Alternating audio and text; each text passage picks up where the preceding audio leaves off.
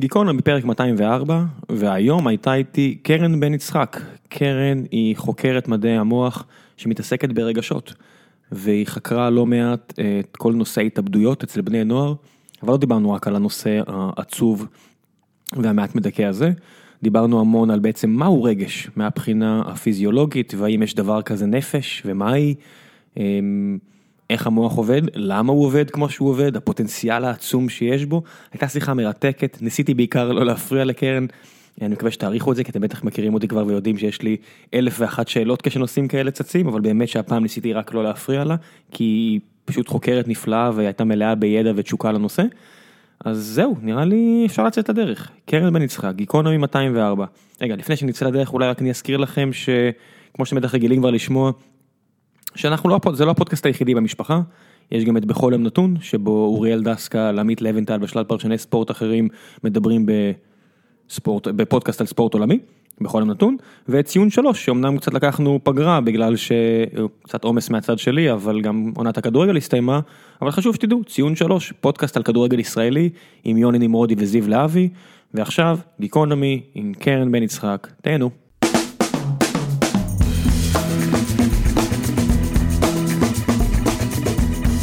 גיקונומי פרק 204 ואיתי הבוקר קרן בן יצחק.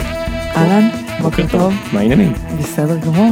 בדרך לפה וגם לפני שהתחלנו להקליט בדיוק אה, חשבתי קצת על אה, על AI, artificial intelligence כי זה קצת מה שאני קורא עליו ומתעסק בו מדי פעם ואת מתעסקת ברגשות. כן. ובנטיות אובדניות קצת כן. וכל מיני דברים כאלה ואמרתי לעצמי. מעניין אם זה זה יכול להיות יכולה להיות דרך להגדיר אה, אינטליגנציה מלאכותית האם אי פעם תהיה אחת שתשקול לשים קץ לעצמה. זה, זה ממש מעניין שאתה התחלת בשאלה הזאת, כי אחד הדברים שהרבה פעמים אני מספרת לסטודנטים ובכלל לחבר'ה שככה הם מגיעים להרצאות, זה שאנחנו מחזיקים במכונה מאוד מאוד משוכללת, מאוד מאוד מורכבת, שמכילה כ-86 מיליארד נוירונים, שמחוברים ביניהם בכ-10 בחזקת 16 קשרים, וכל הדבר הזה מעניק חישוביות עצבית אדירה בעצם למוח האנושי. דרך אגב, מודל שעד כה לא הצליחו להכניס בשלמותו, כן, באופן שהוא אחד לאחד לשום מחשב, לא משנה עד כמה הוא משוכלל ומורכב, ועם כל החישוביות הזו וכל האינטליגנציה שמקופלת בתוכו, עדיין מאוד מאוד קשה לנו. תכף אני אגיע לפואנטה. קשה לנו לקום בבוקר, אנחנו חווים משברים, מהמורות, נפילות, אנחנו לפעמים אה, מדוכדכים, מדוכאים, לפעמים עד מצב פתולוגי. ואחד הדברים שכדאי להגיד בנקודה הזאת, זה שבניגוד לאינטליגנציה מלאכותית, ויש כזה דבר אינטליגנציה מלאכותית, תלוי בהגדרה של אינטליגנציה, אנחנו נדרשים לבצע המון המון מטלות ביום יום שדורשות קשב ופיצול קשב והתמקדות וריכוז ושליפת תכנים מהזיכרון, ואת כל הדבר הזה אנחנו צריכים לעשות עם מטען רגשי. שזה ההבדל הגדול. כן. זה- ואנחנו זו נדרשים. תלוי איך מתייחסים לזה, אני חושבת עוד מעט אולי גם נגיע לזה, אם רגשות הם מעמסה או בעיה או מטען, או אולי אפשר להתייחס אליהם באופן אחר, ואז זה גם יקל עלינו, אבל זה חלק מהטבע שלנו, אנחנו כל העת נאלצים לשאת מטען רגשי מהרגע שאתה ואני פוקחים את עינינו ומגיחים לאוויר העולם בכל יום מחדש, ועד הרגע שאנחנו צוללים לשינה עמוקה, המטען הזה מלווה אותנו כל רגע ורגע שאנחנו בהכרה. וכמובן שהוא אה, עושה את הדברים הרבה יותר מורכבים. אז אולי אני עכשיו אה, אשאל שאלה בתור אה, המהנדס שבי ואני אשאל אז מה זה בעצם רגש? אוקיי, אה, אז אני מניח שאם הייתי משורר הייתי שואל את זה אחרת אולי אבל לא, זה בסדר גמור, אני, אני, זו שאלה נהדרת, כי באמת אה, זה מושג שכותבים עליו המון, וכותבים עליו אה, ספרים ושירים ומחזאות ומה לא, ופילוסופים רבים וגדולים התעסקו עם זה. אה, מנקודת המבט של נוירוסייאנס, רגש הוא תוצר של פעילות עצבית, מורכבת כמובן, שמתרחשת במגוון של אזורים בבסיס המוח שלנו, במקומות יחסים מאוד מאוד תת-קליפתיים, כלומר מאוד עמוקים בתוך המוח, הרבה הרבה מתחת לקליפת המוח. המערכת, מדובר במערכת ממש שלמה שאנחנו נולדים איתה, היא מתפתחת בהדרגה. היא מכוותת, כלומר מקושרת לכל המוח שלנו, מקבלת ומעבירה אינפורמציה לכל חלקי המוח, כולל חלקים שאחראים על הקוגניציה הגבוהה שלנו, כמו היכולת שלך ושלי לדוגמה עכשיו לשבת בשיחה צפופה כזאת ולהבין מה כל אחד אומר ולדעת מה השאלה הבאה שאנחנו רוצים לשאול ולהבין איפה להתנהג ו- ומה לעשות ומה לא לעשות. המערכת הזו היא אולי המערכת, אה, או בוא נקרא לזה המניע הראשוני לכל הפעולות שלנו. מהבחירה שלי בקריירה, דרך הבחירה שלי מה לקנות לעצמי ללבוש, באיזה רכב אני אנהג ואיזה בן זוג או בת זוג אני אבחר. זאת אומרת, המחשבה על כיצד אני ארגיש בבחירה כזו או אחרת, היא זו לרוב שתכריע את הכף. אנחנו מאוד מאוד מונעים על ידי רגשות ומדובר ממש בפעילות עצבית, חשמלית וכימית. ועוד לפני כן יש את המושג של אני. כי, Oh. כי אני מניח שאת יודעת, שאני, שאני מתעסק עם קוד, שאני כותב מכונה או קטע קוד שאמור לעשות א', ב' וג', הוא לא מתעסק באני. כי בסופו של נכון. דבר הרגש הוא נכון. תמיד מכוות לאני, איך, האם נכון. אני שמח, האם אני עצוב, נכון. אמפתיה, את יודעת, היכולת להרגיש על מישהו אחר, זה נחמד, אבל זה עדיין חלק נורא קטן, גם אצל הצדיקים שבצדיקים, אני נכון. מניח. זה, זה, אם אנחנו רגע חוזרים לעניין של האינטליגנציה המלאכותית, שבוא רגע אני אקשר את זה לשם, כשאני דיברתי מקודם על מטען רגשי, שלמעשה אנחנו אה, קמים איתו בבוקר והולכים איתו לישון, כדאי להוסיף בנקודה הזאת שאנחנו מתהלכים בעולם מתוך תחושת סלף-הוד, אנחנו קוראים לזה. אנחנו, אה, כשאנחנו מתעוררים בכל בוקר מחדש, מיד נוכח שם סלף באופן אוטומטי. אנחנו אפילו לא שולטים את זה. הסלף הזה, אה, מתחבר לנו בהדרגה כבר מגילאי 18 חודשים והלאה, עוד מעט אתה אולי תדע על מה מדובר כמובן. אה, אנחנו מתוכנתים להפוך להיות סובייקט אה, שמודע לעצמו, שער לעצמו, כמובן שהדבר הזה הוא מאוד מאוד נחוץ לנו לצורך ההישרדות המאוד מאוד בסיסית שלנו, זאת אומרת מאוד מאוד חשוב לנו לדעת מה אנחנו רוצים, מה אנחנו לא רוצים, איפה לסמן את הגבול כדי שנוכל לפעול על העולם, כדי שנוכל לדוגמה להחליט שאנחנו מקימים חברה, כן, זה כבר בדרגות מאוד מאוד מורכבות, אה, ולהחליט מה אנחנו רוצים לעשות בחברה הזאת, ומה לבקש מאנשים, וכיצד להסביר את עצמנו לעולם וכולי וכולי. אנחנו קודם כל חווים את העולם מתוך עצמנו, ולכן כל תפיסת מציאות, בניגוד לאותה מכונה שאתה או כל מהנדס אחר בונה, כל תפיסת מציאות היא תמיד סובייקטיבית, תמיד, תמיד, תמיד, יש בה מרכיב סובייקטיבי, והיא תמיד מתרחשת מתוך הפרספקטיבה הייחודית שלנו, שאנחנו ערים לה. זאת אומרת, אנחנו ערים לכך שקיים סלף. אוקיי? זאת אומרת שאנחנו... והסלף הזה מיוצג במוח באיזושהי צורה? כן, לחלוטין כן. אוקיי, אז הסלף הזה אה, מיוצג במוח באזורים מאוד מאוד נרחבים. אני יכולה למשל לספר על מבנה שנמצא בין קליפת המוח הראייתית לקליפת המוח הסומטית סנסורית, זה ממש בחלקים שגובלים בין החלק העורפי, שככה מעל הצוואר, לחלק הקודקודי יותר, וקוראים לו פרקונוס. אין צורך אה, לזכור את השם במדויק, אבל מה שמעניין בחלק הזה, זה שהוא אחראי לדוגמה על תפיסת סלף ועל תחושת שייכות. כלומר, על היכולת שלי להגדיר את עצמי בתור ABC, ולא רק זה, על היכולת שלי לאפיין את עצמי ולספר לעצמי לאיזה קבוצה לדוגמה אני שייך. זה ממש אוקיי? אזור ספציפי כן. במוח האנושי, כן. שאחראי על תודעת האני עצמי? כן, הוא לא היחידי. אני ציינתי רק אחד מתוך ארסנל של מבנים. למשל, זה אחד מהאזורים. איך, איך, אוקיי, אז אני, אני, אני חייב רגע, לעצור רגע, אותך. אבל אני רוצה אוקיי, רגע אז לסבך אני- אותך. אני עוצר, אוקיי. אני רוצה רגע לסבך אותך שאחד המבנים הנוספים שאחראים מאוד על תפיסת העצמי, זה מבנה שקוראים לו אינסולה, שיושב ממש על הגבול בין קליפת המוח למערכת הרגש שאמרנו שהיא יותר עמוקה. החלק הזה אחראי בין השאר על יכולת שאנחנו קוראים לה The Embodied Self, כלומר העצמי, כלומר העצמי הגופני. למשל, אם כרגע הדופק שלך עולה, אתה אולי אפילו מרגיש באיזשהו יובש בפה או בהזעה בגוף, אולי אתה אפילו מרגיש בלחץ דם שעולה, כי יש מבינינו שמרגישים, כי ראית נחש צפה, זה מאוד ברור לך שכל המחושים הללו הן תגובה שקשורה לפחד שלך. למשל, זה היכולת מיד לקשור את הגוף ואת מה שמתרחש בו לרגשות שמתחוללים בתוכי, בתוך מערכת העצבים המרכזית כבר. זה ההפרדה בין האני המכונה לבין אני המודע. נכון, אבל זה מתרחש ביחד באופן מאוד אינטגרטיבי. כלומר, אם חס וחלילה אתה לא תדע, לדוגמה שזה בגלל שאתה ראית נחש צפה, א', זה מאוד מאוד מבהיל, כי לא ברור לך למה כל הדבר הזה קורה, אבל ב', גם יש פה באמת איזשהו ניתוק. חלק מהסלף שלנו, מהסלפות זה הגוף שלנו. למשל, לא רק תחושת שייכות, לאיזו קבוצה אני מגדיר את עצמי, באיזה אמונות אני אה, מחזיק, אה, מה הדעות הפוליטיות שלי, או לאיזה לאום אני שייך וכולי וכולי, אלא גם הגוף שלי, הגוף הוא חלק בלתי נפרד מהסלף שלנו. לראיה, לדוגמה, אפשר אה, להתבונן על מבחן שקוראים לו Self Recognition Test, שמבצעים כבר פעוטות בני 20 עד 24 חודשים, ובמבדק הזה שמים ילד מול ראי, והוא מסתכל על עצמו, אה, לוקח זמן עד שאנחנו מזהים את עצמנו בראי ואנחנו מבינים שאנחנו זה אנחנו.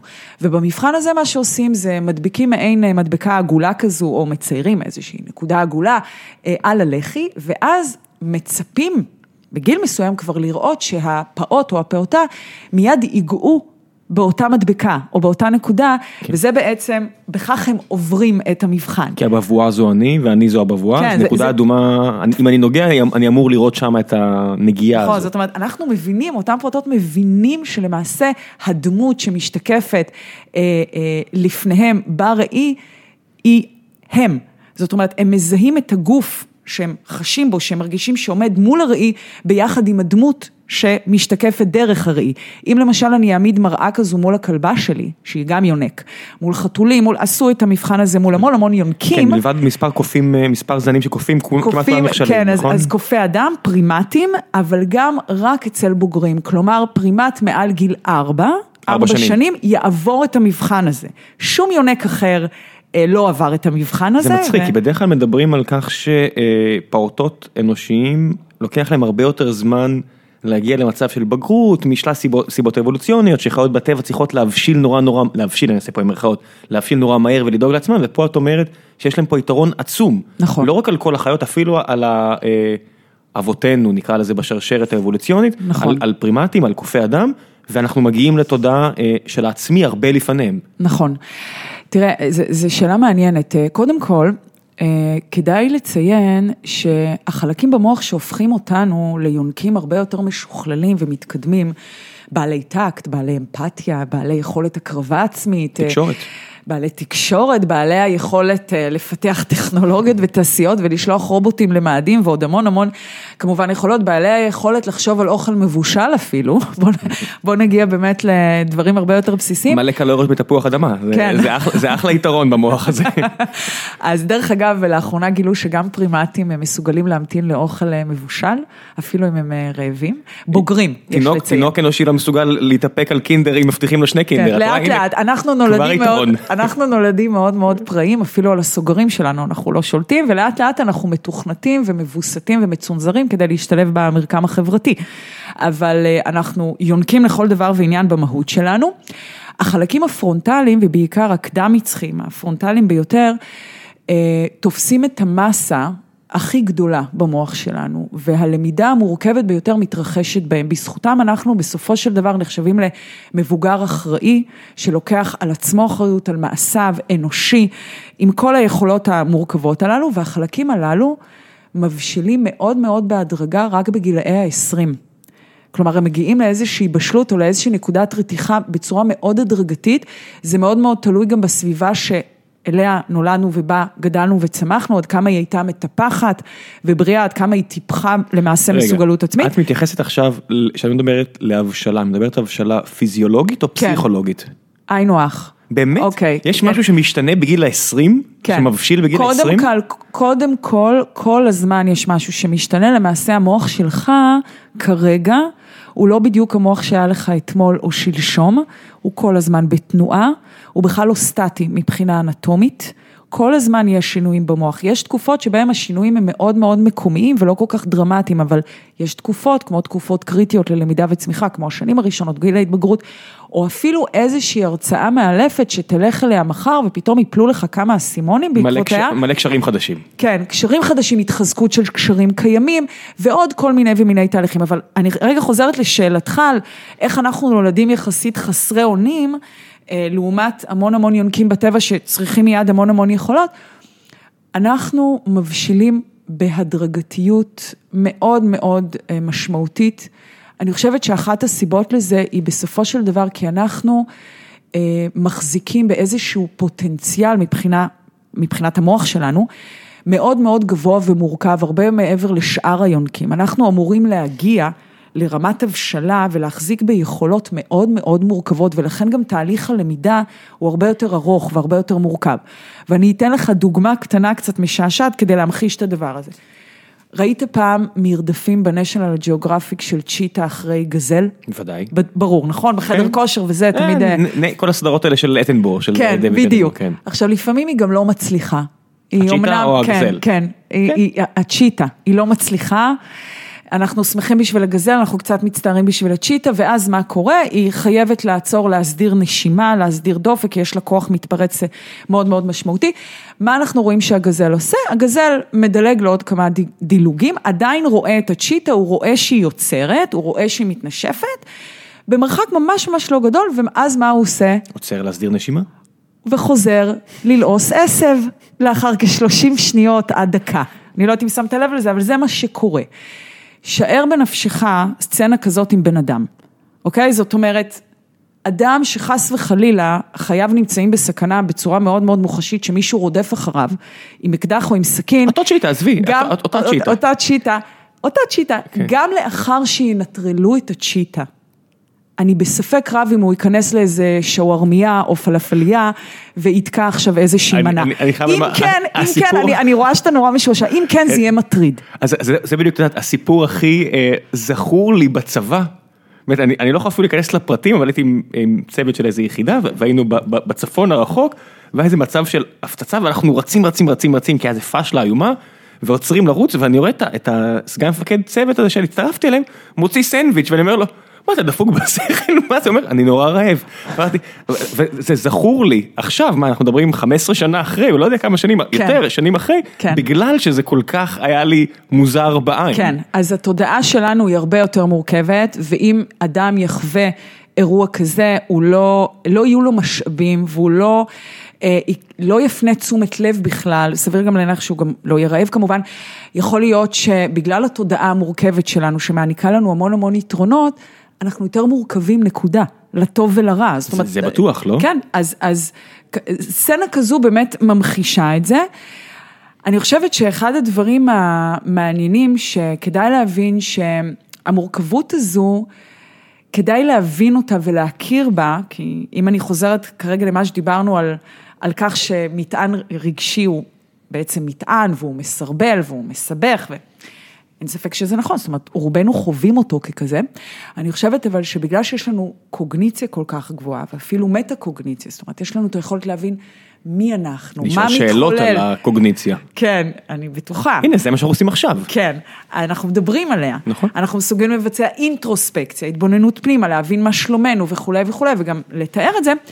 אמ, אחד הדברים שאנחנו היום מבינים, ממי שמתעסק באמת במערכת הרגש, זה שרגשות הם לא בעייתיים.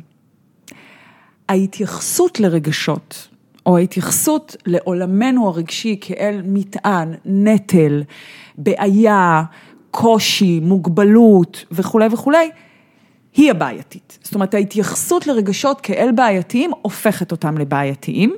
תכף, אם תרצה, ניכנס גם לנושא של. מחשבה מייצרת מציאות, כי היום אנחנו רואים גם איך זה קורה במוח, אבל אמ, אנחנו היום מבינים שבגלל אותה תודעה מאוד מאוד מורכבת, יש לנו גם את היכולת להצמיח קוגניציות. אפרופו המוח הוא איבר לומד, גם בגילאי 20 ו-30 ו-40. קוגניציות ברבים? קוגניציות, כן, אמונות. הבנתי, למשל, אוקיי, אוקיי, אה, יש לנו אפשרות לשנות קוגניציות, יש לנו אפשרות אפילו לפתח קוגניציות מצילות, אנחנו קוראים לזה. זה טיפול פסיכולוגי, לא? כן, אבל המוח משתנה בעקבות טיפול בוודאי, מוצלח. אפשר לטפל בטראומות, אפשר לטפל בקשיים. בוודאי. אני לא המוח חושב שמישהו חולק על זה היום. נכון? התפקיד שלך זה להוכיח את האפקט הפיזיולוגי, אני מניח, כן. אבל מהצד זה נראה לי... האפקט הפיזיולוגי מוכח, יש היום מחקרים לא מעט, שממש בוחנים איך המוח נראה ומשתנה בתחילת טיפול, תוך כדי טיפול ובסוף טיפול. יש לדוגמה מחקרים בארצות הברית שעושים, יש להם תקציבים כמובן למערכת הביטחון שם, הם עושים מחקרים ב-FMRI, Functional MRI, שמראה את פעילות המוח בזמן אמת, כשהנבדק ממש שוכב בתוך אותה מנהרה, שאנחנו הרבה פעמים רואים תמונות של זה בכל מיני סרטונים וכתבות בעיתון. לדוגמה, חבר'ה שסובלים מ-PTSD, Post-Traumatic Stress Disorder, חוויה דחק פוסט-טראומטית, חבר'ה שמגיעים מהצבא וחווים הלם קרב. בעיה עצומה בארצות הברית עכשיו. כן, אז רואים איך המוח שלהם נראה לפני הטיפול, לאחר כשנה של טיפול, לאחר כשנה וחצי ושנתיים. עכשיו, עבור חלקם הטיפול מצליח. כלומר, עבור חלקם הסימפטומים שמתלווים ל-PTSD ממש ממש יורדים עד כדי נעלמים כן, אצל חלקם. אנשים כאלה, בוודאי. והמוח משתנה, למשל, אחד הדברים, אחד השינויים הכי דרמטיים במוח של אדם כזה שסובל מ-PTSD ובסוף נפטר ממנו, או כמעט ולא סובל ממנו, זה לדוגמה הפעילות ואפילו המבנה של אזור במוח שקוראים לו האמיגדלה. יותר נכון, מבנה במוח שקוראים לו אמיגדלה, שזהו מבנה של מערכת הרגש, משוייך למערכת הרגש, נמצא בחלקים הרקתיים, הצידיים, והוא אחראי על היכולת שלנו לפחד, לחוש בחרדות, הוא מעורר, כלומר יש בו פעילות, עוררות עצבית הרבה מעבר למותר, באופן כרוני, לדוגמה בהתקפי חרדה, גם ב-PTSD, ולפעמים במקרים קשים הוא אפילו מתנפח, זאת אומרת, מבחינה מבנית, מבחינה אנטומית, קיים ליקוי. ואז זה מה שיש לחץ על האזורים מסביב?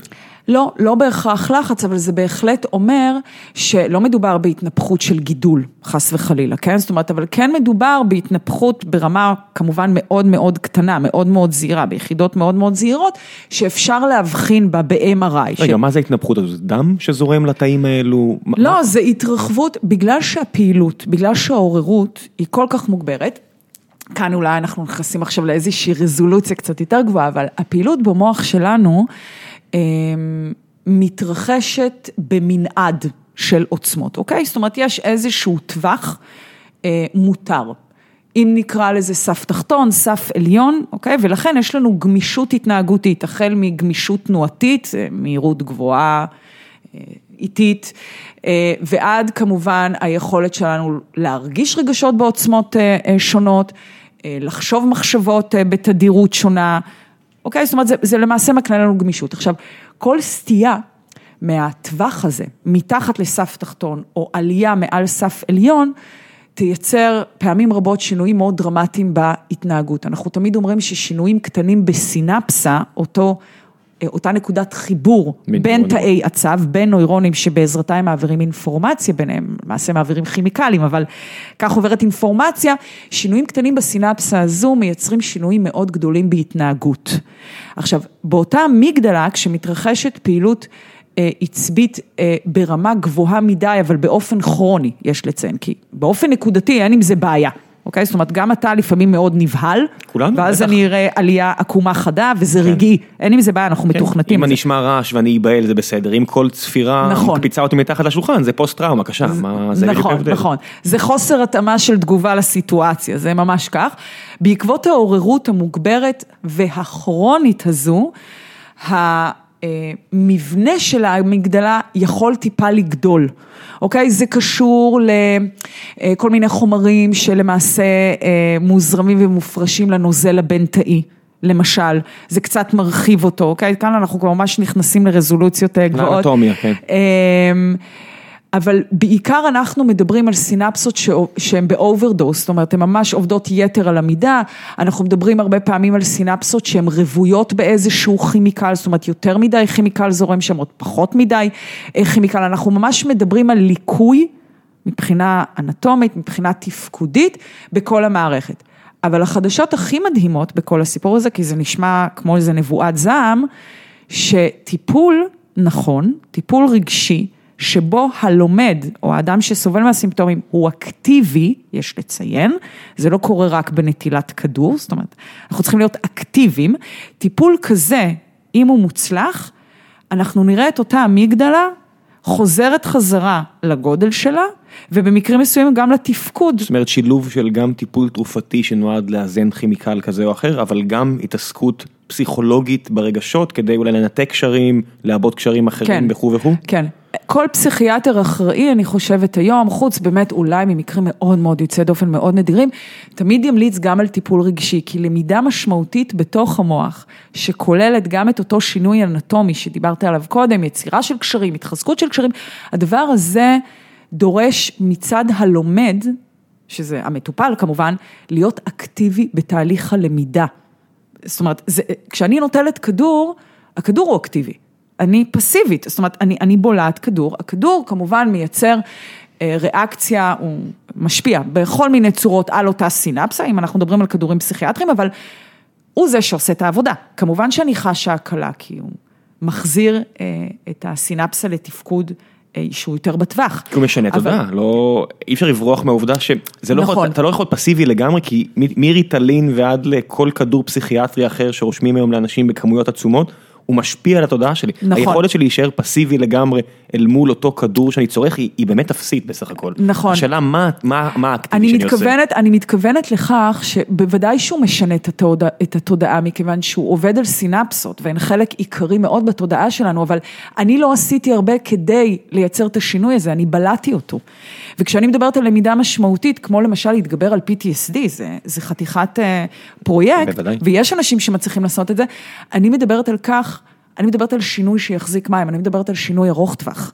אני לא מדברת על כך שכל עוד אני נוטלת כדור, התודעה שלי באמת משתנה ואני פחות סובלת. אני מדברת על כך שאני אצליח להתנהל בעולם, בסופו של דבר גם בלי הכדור. כי יכול להיות שהבעיה התודעתית, הרגשית, בעצם גם עם האיזון הכימי, אז תצא שוב מאיזון, כי בסך הכל נגיד נרמלנו איזשהו כימיקל כזה או אחר, אבל הבעיה תחזיר את המצב לאבנורמל. אני אסביר לך למה הכוונה. אני אסביר את זה אולי על ידי איזושהי... דווקא דוגמה מתחום האלרגיות, אוקיי? קצת מפתיע, אבל למשל היום ארגולוגים, אה, רופאים שמתמחים באלרגיות, אחת השיטות המוצלחות יש לציין בטיפול באלרגיות אפילו קשות, אלרגיות שעלולות להיות מסוכנות, זה חשיפה לפעמים מאוד הדרגתית ומבוקרת לדבר שהגוף אה, למעשה מגיב אליו בצורה מאוד מאוד רגישה. חיסון. כן. אתה מחסן לאט לאט את הגוף בפני הגורם שמייצר את האלרגיה. העיקרון מאוד מאוד דומה גם כשמדובר במוח, אני אסביר למה הכוונה. לפני הכל אני אומר, שיש לנו תודעה נורא מורכבת, אמרנו את זה, וזה מוביל אותנו הרבה פעמים אפילו לפתולוגיות, ו... אה, כן, להתבחבש בתוך עצמנו, אבל המוח גם מעניק לנו מרכזי התמודדות ואומץ.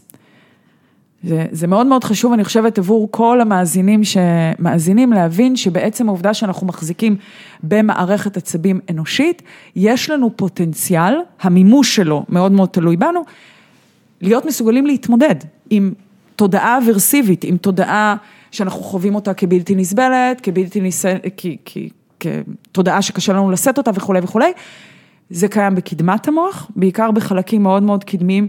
שפונים כלפי הגחון, הבטן שלנו, אנחנו קוראים לזה prefrontal cortex. זה, זה גם בקורטקס? זה גם בקליפה כן, של המוח? נכון, זה אזורים מאוד מאוד גבוהים, להבדיל מאותה אמיגדלה שמייצרת את הפחד ואת החרדות ואת ה-PTSD, ששוכנת מאוד מאוד עמוק, אנחנו כאן מדברים על קוגניציה רגשית, או ממש אינטליגנציה רגשית, שבעזרתה אנחנו מסוגלים להבחין במה מתרחש אצלנו, להתבונן בזה, להיות מסוגלים להכיל את זה. עכשיו, מה זה אותה הכלה או התמודדות שהמוח מעניק לנו? למה נתתי את הדוגמה של האלרגיה? כי היום יש המון המון טיפולים, שבהם מתבצעת למידה משמעותית, שתחזיק לאורך זמן, שבה הלומד או המטופל מתבקש לחשוף את עצמו בצורה מאוד הדרגתית ומבוקרת כמובן, עם איש מקצוע, בדיוק לדבר שממנו הוא כל כך פוחד.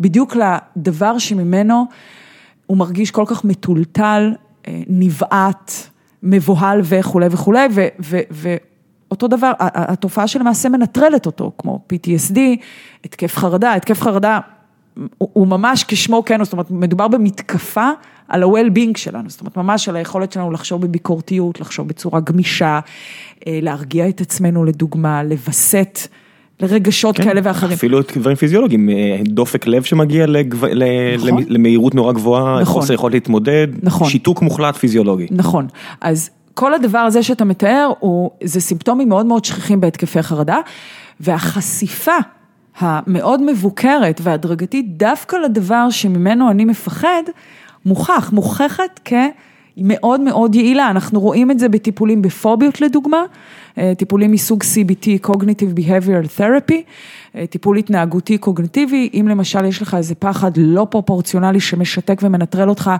מנחשים, מעכבישים, מחתולים ברחוב, אתה רואה גור חתולים במדרכה שאליה אתה צריך להגיע עכשיו באמצע יום עבודה, אבל אתה תעשה עיקוף.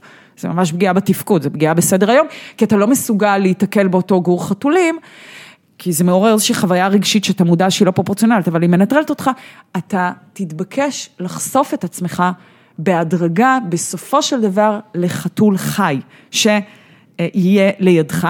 הדבר הזה מאוד מוכח כיעיל. זה כמעט אוקיי? ביו-פידבק, מה שאת מתארת, את בעצם, נכון.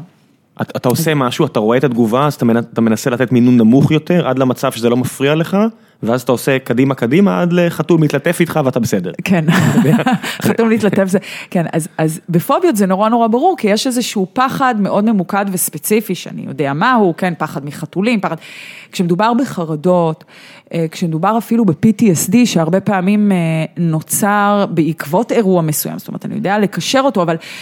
PTSD או חרדות, זה תופעות שהן הרבה פעמים תופסות אותנו בהמון המון המון סיטואציות. בחרדות בכלל לא תמיד ברור לנו מה הפחד, מאיפה זה מגיע, זאת אומרת, קשה לנו לשים את האצבע על הדבר שממנו אני מפחד. אז הרבה פעמים מטופל יתבקש על ידי מטפל בטיפול בחרדות, לא לברוח מהחרדה, לנסות לשהות בה, לא לתת לה להיפטר מהמימד הקטסטרופלי והמפלצתי שאנחנו מעניקים לחרדות, ובעקבות זה הן באמת משתקות אותנו. הנה, שרדת. לשנות את היחס כלפי הרגש. אני חוזרת למקום שבו התחלנו, שרגשות הם לא בעייתיים, ההתייחסות לרגשות עלולה להפוך אותם לבעייתיים.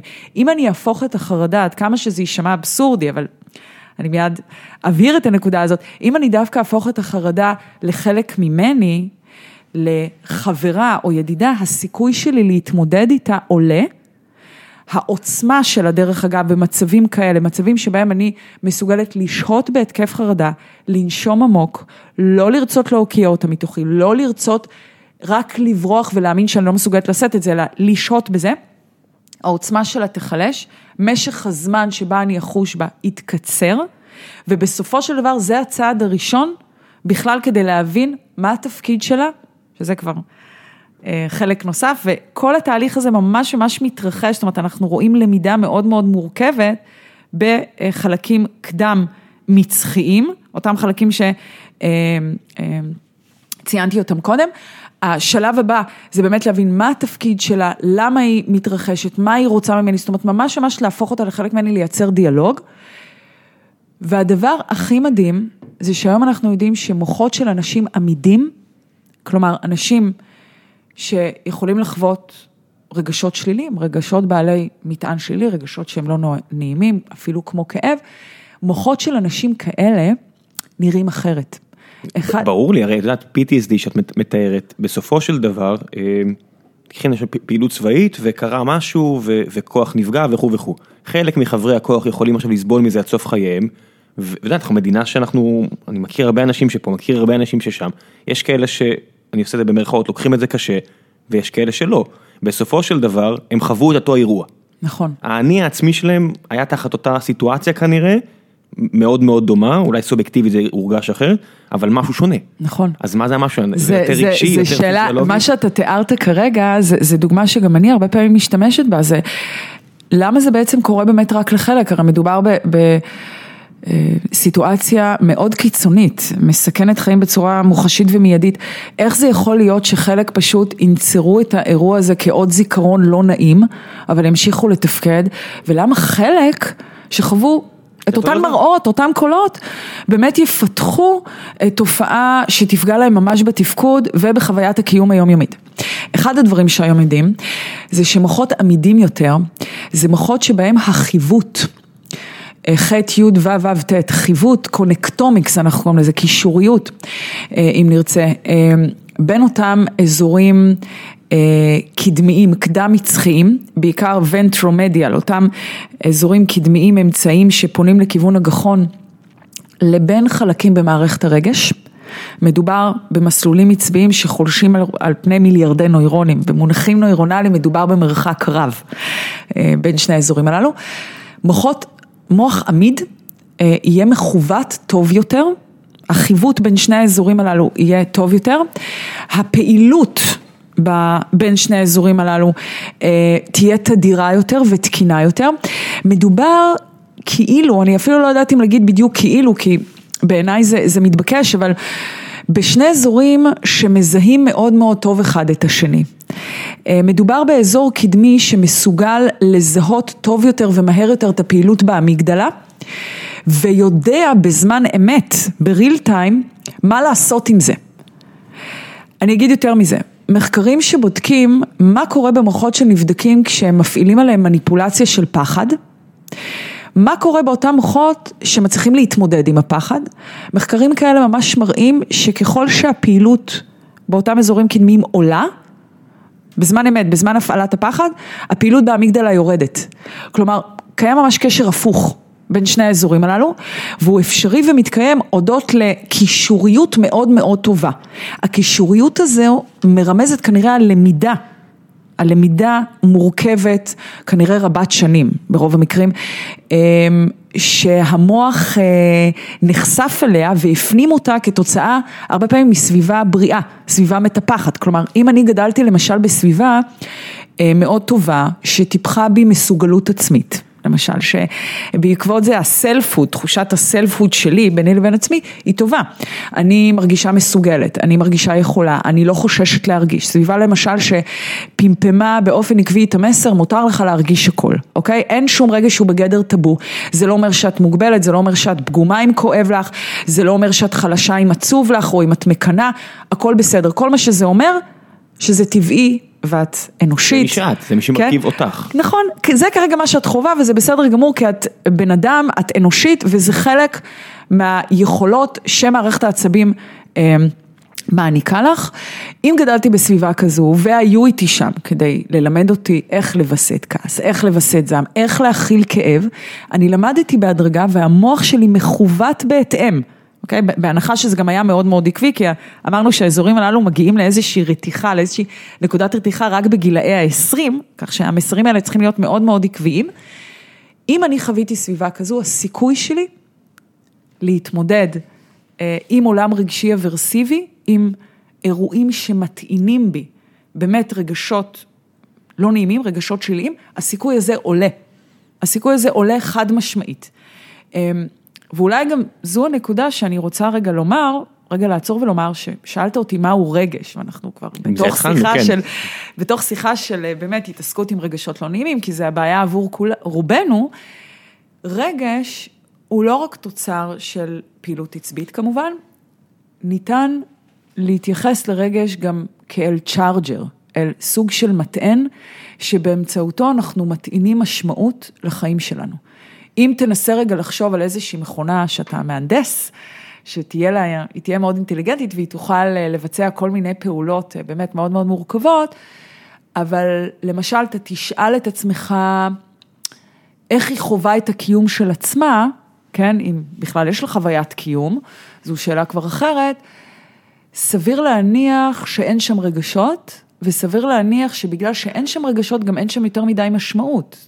וזה בדיוק הנקודה, כי תחושת משמעות, הרי בסופו של דבר המשמעות שאנחנו אה, בעצם נותנים או מעניקים לכל מיני חוויות שאנחנו חווים, זה בעצם הסיבה העיקרית, לרוב לחברה האנושית, לפעולות אנושיות, בלי משמעות דברים נהיים אה, במתח חסרי נור... טעם, חסרי טעם ובמתח נורא נמוך, ואני מניח שברוב המוחלט, של אנשים, לא יודע אם רוב מוחלט, אבל בטח הרבה אנשים שחווים דיכאון, וזה נושא שאת מתעסקת בו, משמעות זה בדיוק המשתנה שנעלם מהמשוואה.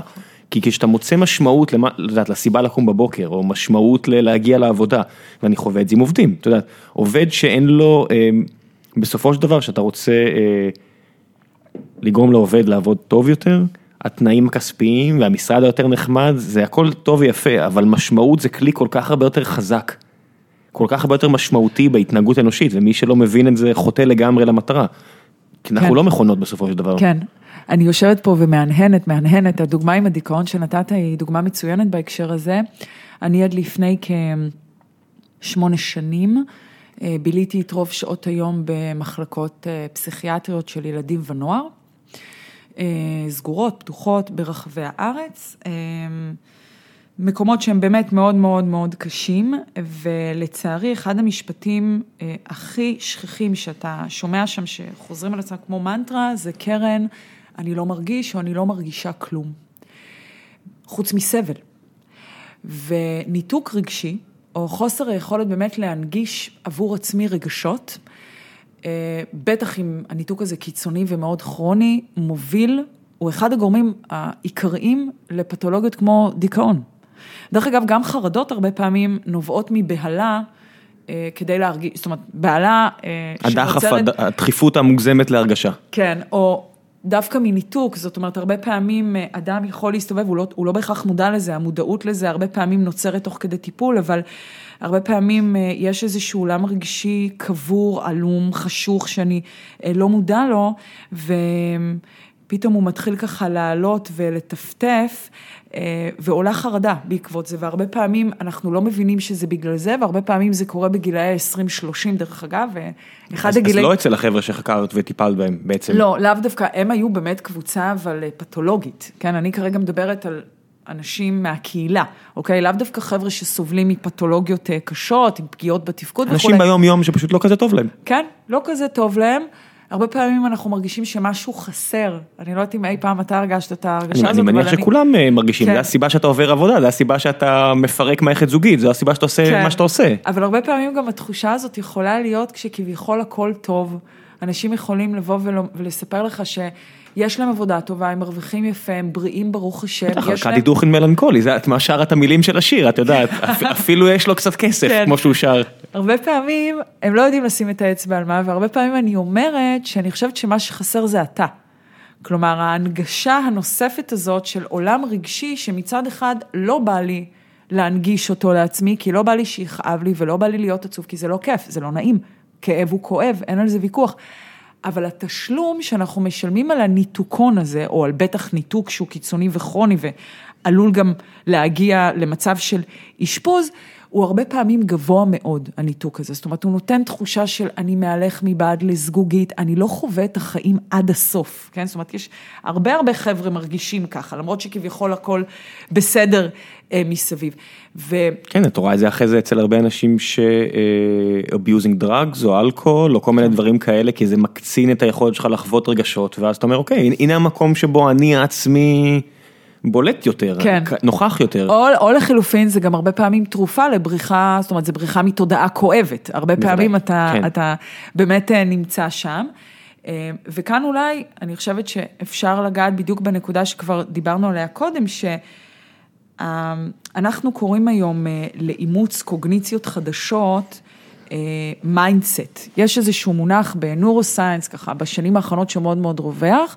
mindset, הכוונה ב mindset זה אה, היכולת שלי לחשוב על עצמי, או אני אגיד את זה בצורה יותר כללית, האופן שבו אני מתייחס, מאמין, אוקיי? תופס תופעה מסוימת. ואת עצמי בתוך התופעה. אני אתן דוגמה. בוא ניקח כאב רגשי, אוקיי? שזה מבחינתנו הרבה פעמים איזושהי... הם כל הצרעות, או זה, זה בראש הפירמידה של הפחדים שלנו, אנחנו לא רוצים שיכאב לנו רגשית, זה, זה, זה מאוד מפחיד אותנו, אוקיי? זאת אומרת, כי זה כואב. אז אם אני מסוגלת להתייחס לכאב רגשי, או לשנות את הקוגניציה שלי לגבי כאב רגשי, לשנות את ה mindset שלי, הסיכוי שאני אצליח להתמודד עם כאב מאוד עולה. הסיכוי שהוא יאבד מהדרמטיזציה שלו, שאני מעניקה לו, אה, עולה, אוקיי? זאת אומרת, כאב הוא כאב, כמו שכוס היא כוס וכיסא הוא כיסא, וזו תפיסה שאנחנו מגלים שהיא מאוד מאוד בריאה, היא מאוד מאוד תורמת ל-well-being שלנו. היא אפילו תורמת למערכת החיסון שלנו. זאת אומרת, היום יש מחקרים... מערכת החיסון, המערכת החיסון שמדברת היא לא איזה, איזה שיעור... לא, לא, לא, מערכת החיסון, מערכת החיסון הסטנדרטית הרגילה, הקלאסית שאנחנו כולנו... אין פה איזושהי אנלוגיה למוח. לא, לא, לא, ממש לא. אוקיי. אנחנו מדברים על תקשורת בין המוח למערכת החיסון, שמראה, תקשורת קיימת כל הזמן, אה, מסרים כל הזמן עוברים בין שתי המערכות הללו.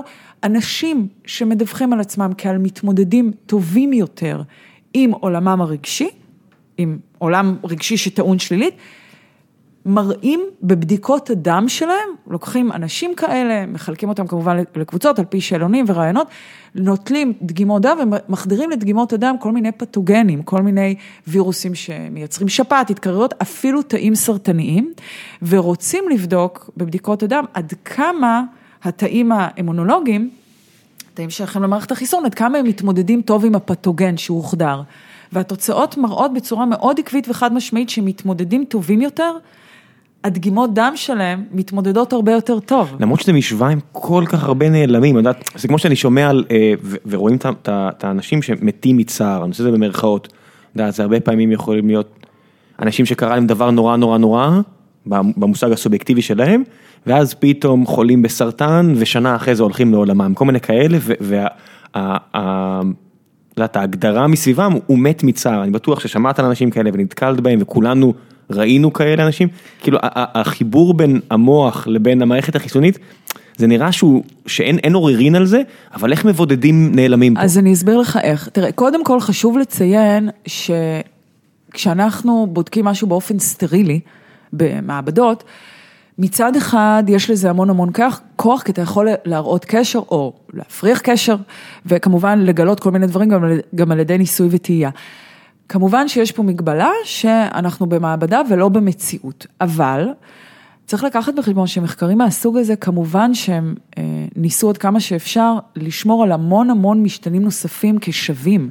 לדוגמה, לקחו אנשים ממצבים סוציו-אקונומיים מאוד דומים, בעלי השכלה מאוד דומה, אה, פחות או יותר באותם גילאים, בלי מחלות רקע. אוקיי? זאת אומרת, כן. זה חד משמעית. לא מדובר באנשים שסובלים חס וחלילה מאיזה מחלה, לא מדובר באנשים שאפילו הגיעו עם שפעת למחקר. זאת אומרת, אה, מאוד הקפידו אה, ושלטו.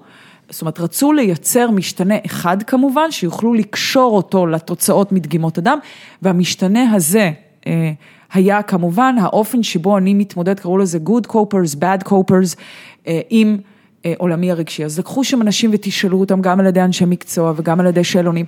דווקא המחקרים מהסוג הזה הם יחסית מאוד מאוד מבוקרים. זאת אומרת והעובדה... קורולציה יש, אבל איך את מסבירה את הסיבתיות? Okay. שאני אוקיי. מניח שהעבודה שלך בשלב הזה נהיה להסביר אז, את, ה... את התהליך. אז יש כל מיני הסברים. קודם כל, יש אה, שליחים. אה, ושליחים שניוניים שמתחילים על ידי ציטוקינים, ציטוקינים זה סוג של חלבון שנמסר מהמוח אל אה, מערכת החיסון וחזרה. במצב שבו מופרש הרבה קורטיזול, אוקיי? הרבה קורטיזול, קורטיזול הוא למעשה גם מוליך עצבי וגם הורמון, אנחנו קוראים לו הורמון עקה, עין קוף ה', אה, והוא מופרש בעיתות סטרס. אה, הוא מופרש כל הזמן דרך אגב, זאת אומרת, אני מדברת כמובן על כמויות מאוד מאוד גבוהות, הוא מופרש כל הזמן למעשה אה, נקודת השפל שלו היא לפני שאנחנו הולכים לישון, ונקודת ה peak שלו היא ממש מוקדם בבוקר כשאנחנו מתעוררים, ואנחנו צריכים להתחיל להיות ערניים לסביבה. jump start לאני העצמי. כן, כן, ריסטארט כזה כל בוקר מחדש, כמו עוד הרבה מאוד אה, חומרים שמופרשים באופן מעגלי, אבל אני כרגע מדברת על מצב שבו ההורמון הזה מופרש יתר הלמידה, לדוגמה ברוב שעות היום, או בכל היום, שזה דרך אגב אחד המאפיינים של מוחות לא עמידים, שדיברנו עליהם קודם. זה, אנחנו מתארים את התופעה מכל מיני זוויות, מזווית של מערכת החיסון, מזווית של קדמת המוח עכשיו, mm-hmm. מזווית של ליקויים בהפרשת חומרים כאלה ואחרים.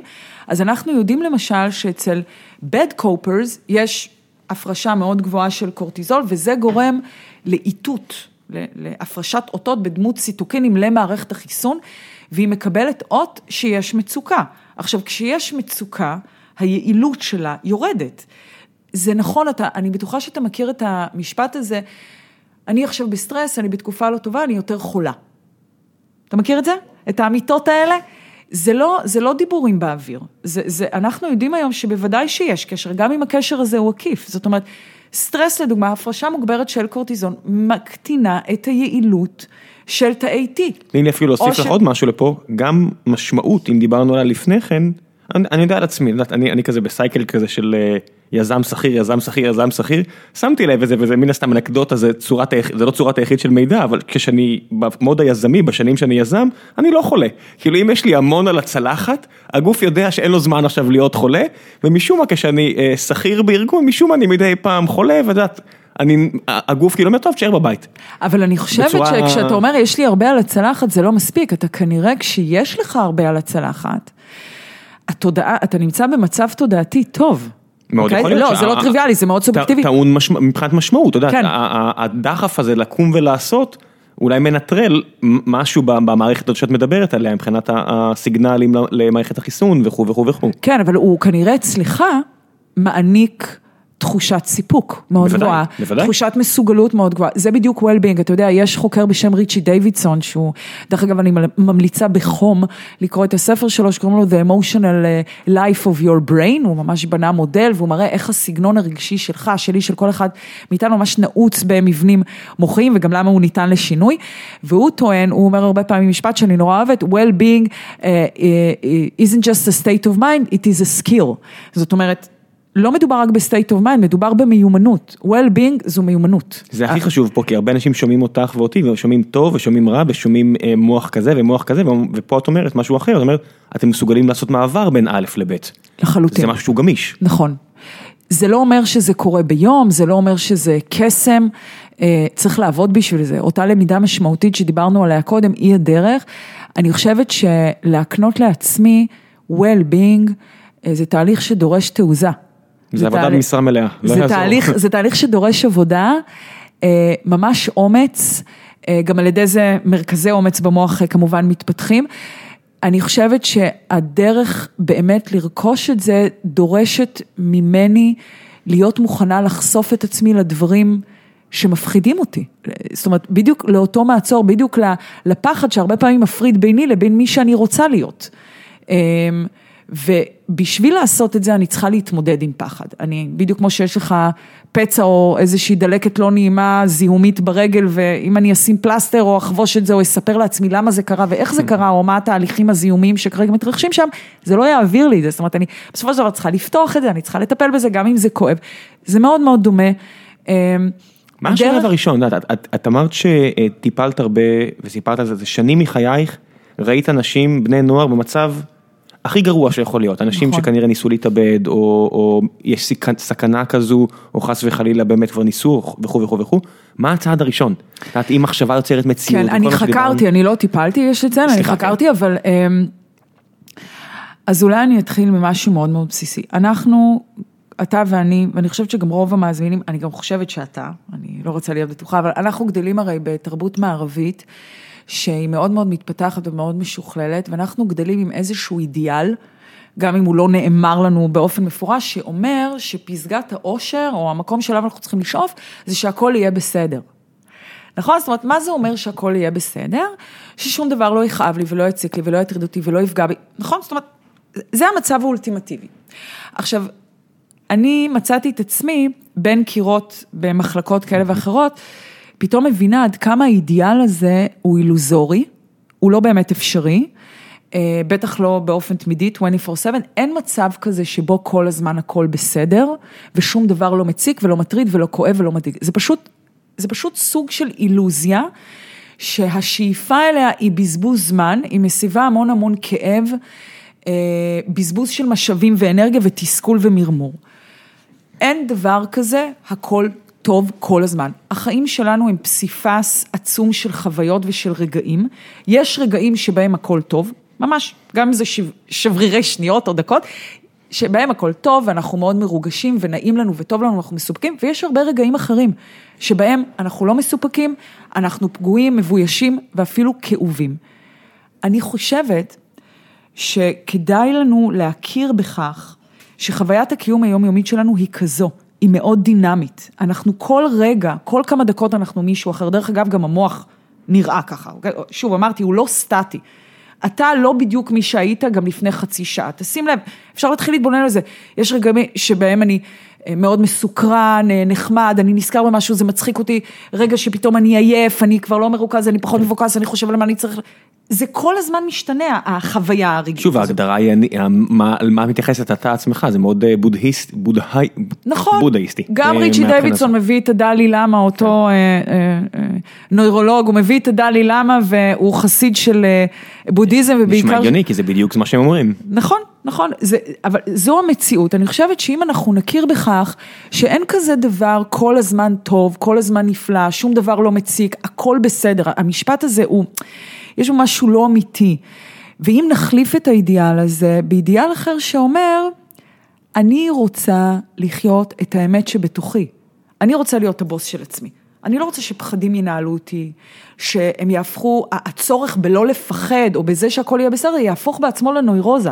כי, כי זה, זה קורה. זאת אומרת, הרצון הזה כל הזמן לשמור על זה שהכל יהיה בסדר, זה פגוע, זה דואג, לא רציתי את זה, מה אמרתי לו, זה, זה בלתי נשמע. אפילו שהכל בסדר, אתה מתחיל לדאוג של אוי לא, תכף דברים לא יהיו בסדר. כן, it's too good to be true. בטח. כן, אז um, אני חושבת שאפשר לשים ממרום שנותינו את הדברים על השולחן ולהכיר בכך שחוויית הקיום היומיומית שלנו מקפלת בתוכה המון המון רגעים, חלקם טובים וחלקם לא. זה חלק ממהלך ה... מערכות יחסים, זה חלק מהדינמיקה האנושית. אפשר גם לדבר על למה זה קורה, למה יש פגיעויות, למה... אני רק אציין במשפט שזה בעיקר נובע מהעובדה שאנחנו סובייקט, אנחנו בעלי רצונות ודעות וזה מאוד ייחודי לנו והרבה פעמים החוסר התאמה בין הדעות שלנו, בין הציפיות שלנו, בין הרגשות שלנו, הרבה פעמים מייצר gap, מייצר פער או, או, או חסר והחסר הזה מייצר הרבה התנגשויות וקונפליקטים ופגיעויות. אבל אם אנחנו רגע שמים את זה בצד, אם נצליח להכיר באותו פסיפס, אם נצליח לקבל את העובדה שרגע אחד יכול להיות מאוד מספק ומרגש, רגע אחר יכול להיות משעמם, פחות מספק, מאכזב, פגוע, מבויש, ולאהוב את עצמנו בכל הרגעים הללו. זאת אומרת, להבין שזה מה שיש ועם זה כדאי, פשוט כדאי, להתנהל כי זו המציאות. ולא מה שייצרו או לימדו אותנו, אם להתכוון או בלי להתכוון, כשהיינו בגן או בבית ספר יסודי. סרטי דיסני שיקרו לנו. כן, happy end. יהיה לנו פשוט יותר קל. היכולת לעבור לאידיאל הזה היא לא פשוטה, זאת אומרת, יכולת שהגיונית, רציונלית, היא נשמעת מאוד כדאית ובוגרת וריאליסטית, אבל יש כאן איזשהו מכשול רגשי. אני חושבת שהיא דורשת ויתור, והיא דורשת ויתור על פנטזיה. אוקיי? בטח, להרבה, להרבה אנשים. נכון. אפילו התמודדות עם שעמום בסופו של דבר, זה בדיוק מה שאת אומרת, זה הוויתור על משהו מאוד מאוד מרגש שאולי לא יגיע כרגע, ולהתמודד עם הרגע. כן. אתה יודע, תתמודד עם זה שכרגע הסף ריגוש שלך לא, לא, לא יגיע, לא ימולא. כן. תהנה ממה שיש, ת, תמצא פעמים... עניין במה שיש. נכון, זה הרבה פעמים גם ויתור על דרמה. אנחנו נורא אוהבים דרמות, אנחנו גם אוהבים לעשות דרמה מרגשות. כן, זאת אומרת... זה מתחבר פה לשאלה הראשונה שמחכה לך מהקהל, תכף, כן. תכף נגיד, תקשיבי, אני בדיוק שאת אומרת, אז... bring it on. אז גיא אה, גולן שואל, אז רגשות, דוט, דוט, דוט, אומר, זה לא קצת overrated וברצינות, האם העיסוק הגובר בהרגשה סובייקטיבית שכל אדם מגיל אפס ועד יום מותנו לא מופרז לעיתים, ויוצר יותר תסכול לאנשים? חד משמעית לא, גם תלוי איך מתעסקים איתם, זאת אומרת, תלוי מה עושים עם זה. אה, כמובן שהגישה המיטבית זה להבין מהו רגש, מה הפונקציות שלו, אה, להכיר בו, להכיר בזה שהוא מתרחש בתוכי, לדעת לא לעשות מזה סיפור, אפרופו גיא, לא, לא, אז אם אתה מתכוון במובן הזה, אה, לא לעשות מזה סיפור ו, ולהקטין את המימד הדרמטי, אה, אז בהחלט התשובה היא כן. למרות שדרמה לפעמים, לא יודעת, דרמות טובות זה אחלה לפעמים. דרמה טובות לסרטים ולהצגות ולמחזות בהבימה, או לא משנה כן. איפה אתה הולך. אני חושבת שבחיים... דרמה היא בלוקר, כן. היא מאוד מאוד מפריעה לפלואו, להתנהלות בין אנשים, היא מייצרת חוסר קשב, היא מייצרת טריקות דלת. אה, היא לא טובה, היא לא טובה כן. נקודה. כמעט אומרת... תמיד דרמות הן טובות רק בסיפור שאחרי. גם, אם זה, גם אם זה מערכת זוגית, גם אם זה מערכת עסקית או חברית, כמעט תמיד הדרמה, כיף להתעסק בה רק בדיעבד, כן. כשאתה כותב את זה כחלק מסיפור, באותו רגע הדרמה ממש לא כן. עוזרת כן. לאף אחד. צריך להתייחס, גיא, לרגשות בשוויון נפש. בצורה לא שיפוטית בעיקר, שזה דרך אגב, אפרופו דיברנו על בודהיזם, אז אני רגע אקח דוגמה מעולם המדיטציה, זה אחד הדברים שעושים שם הרי, שזה תחום מאוד נחקר היום בחקר מוח, מה קורה למוח של אדם שמתרגל מדיטציה או מיינדפולנס. להתבונן על רגשות, להכיר בהם באופן לא שיפוטי, לא דרמטי, בשוויון נפש, ולא too overrated. אני, אני, מהבחינה הזו אני מאוד מאוד מסכימה עם זה. אני כן חושבת שכדי להגיע למקום הזה, בהחלט צריך לדבר על רגשות ולהבין למה הם מייצרות כל כך הרבה, למה הם מייצרים כל כך הרבה טלטלות. זאת אומרת, אז אם אתה מתכוון לכך שכדאי להתייחס אליהם בשוויון נפש, אה, ולא להתעלם מהם כמובן, אלא לדעת להכיל אותם בתוכי ובכך להתמודד איתם, אני מאוד מתחברת ל...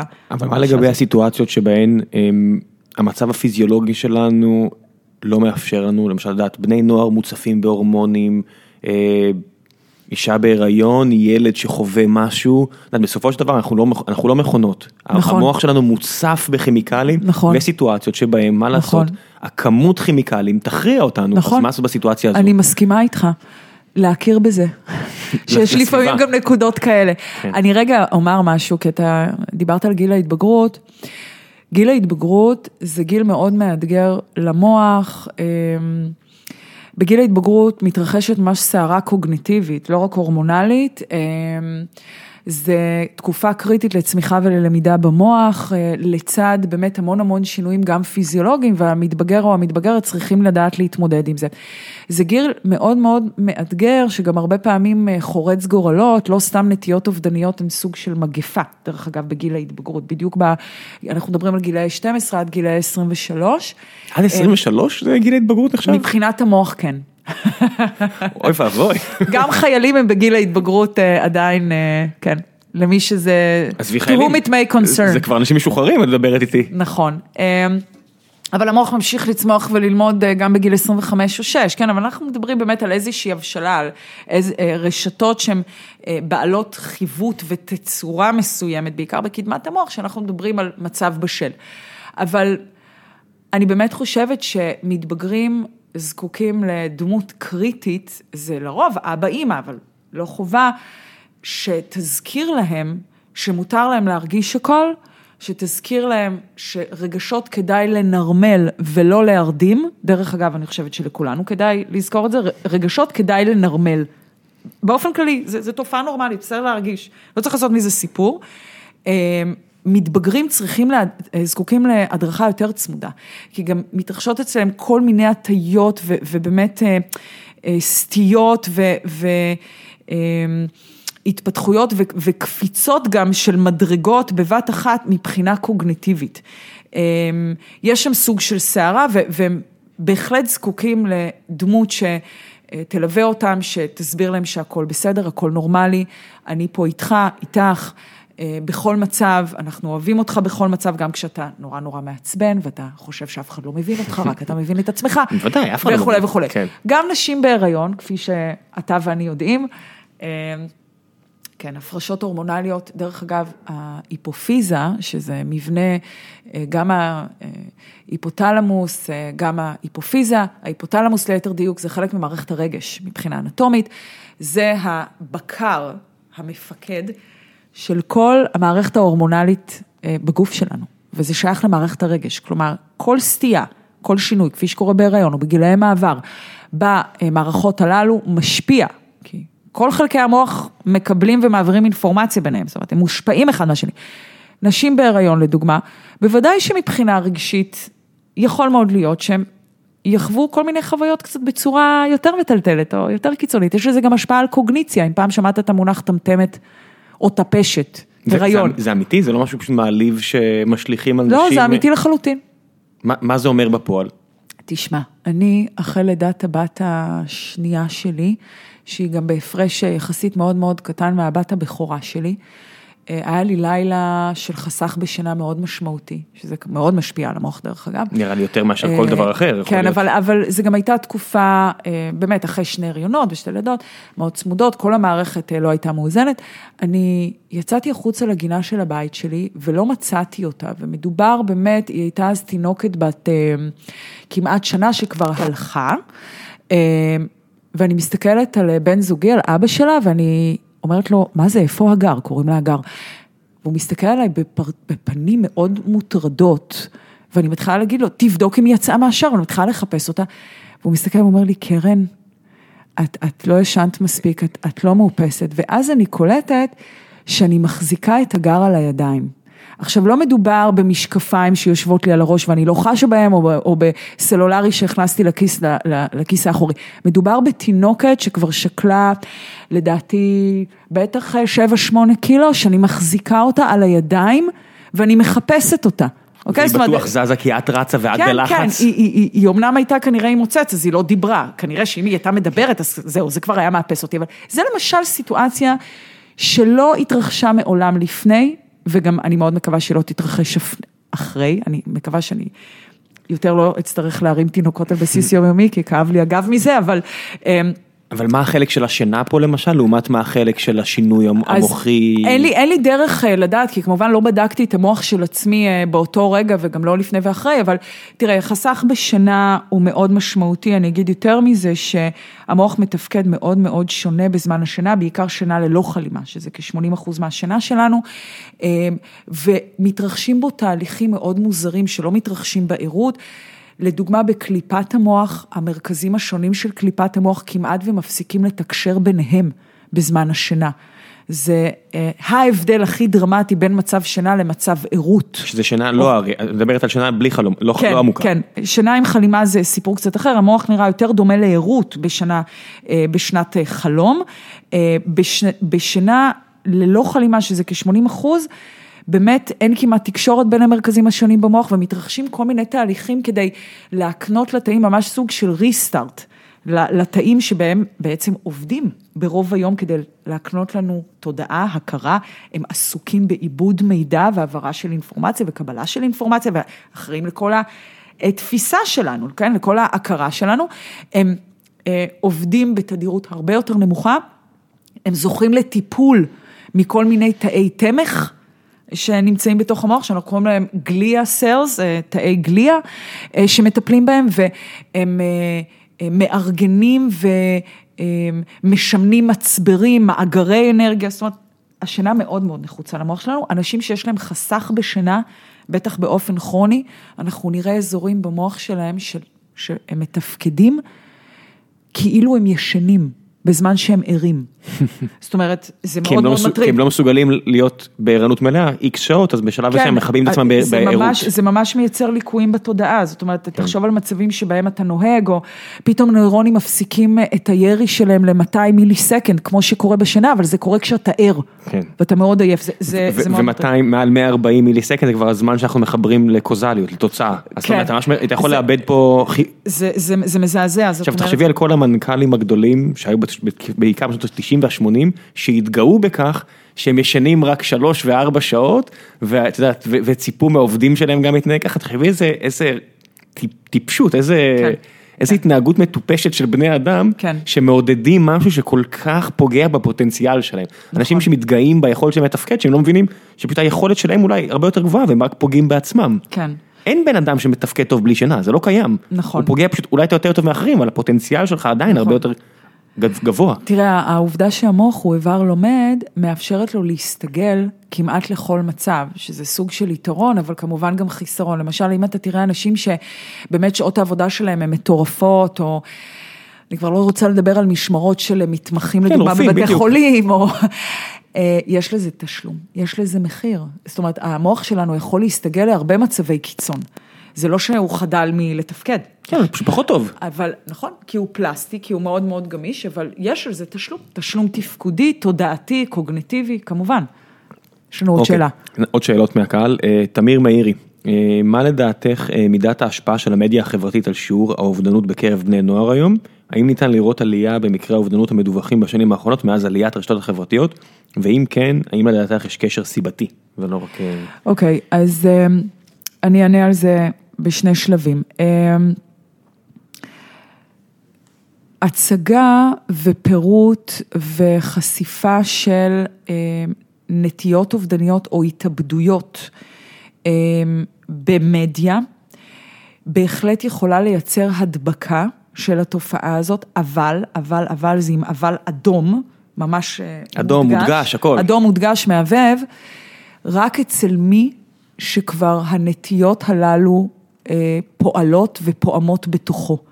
אדם שלא מחזיק בנטיות אובדניות, גם אם הוא ייחשף לעשרה מקרי התאבדויות ביום, זה לא הדבר שיגרום לו לפתח את הנטיות הללו. כן, זה גם לא כזה חדש. זה מה, לא- זה לא- ייסורי ו- ורטרת צעיר, נכון, מה זה 200 שנה בבקשה. אחורה, שגרם לגל נכון, התאבדויות גל, באירופה? גל, אבל חשוב להבין, הדיבור על אובדנות או החשיפה לאובדנות כשלעצמה, היא לא יכולה לדבק, זה, זה לא פועל בחלל ריק.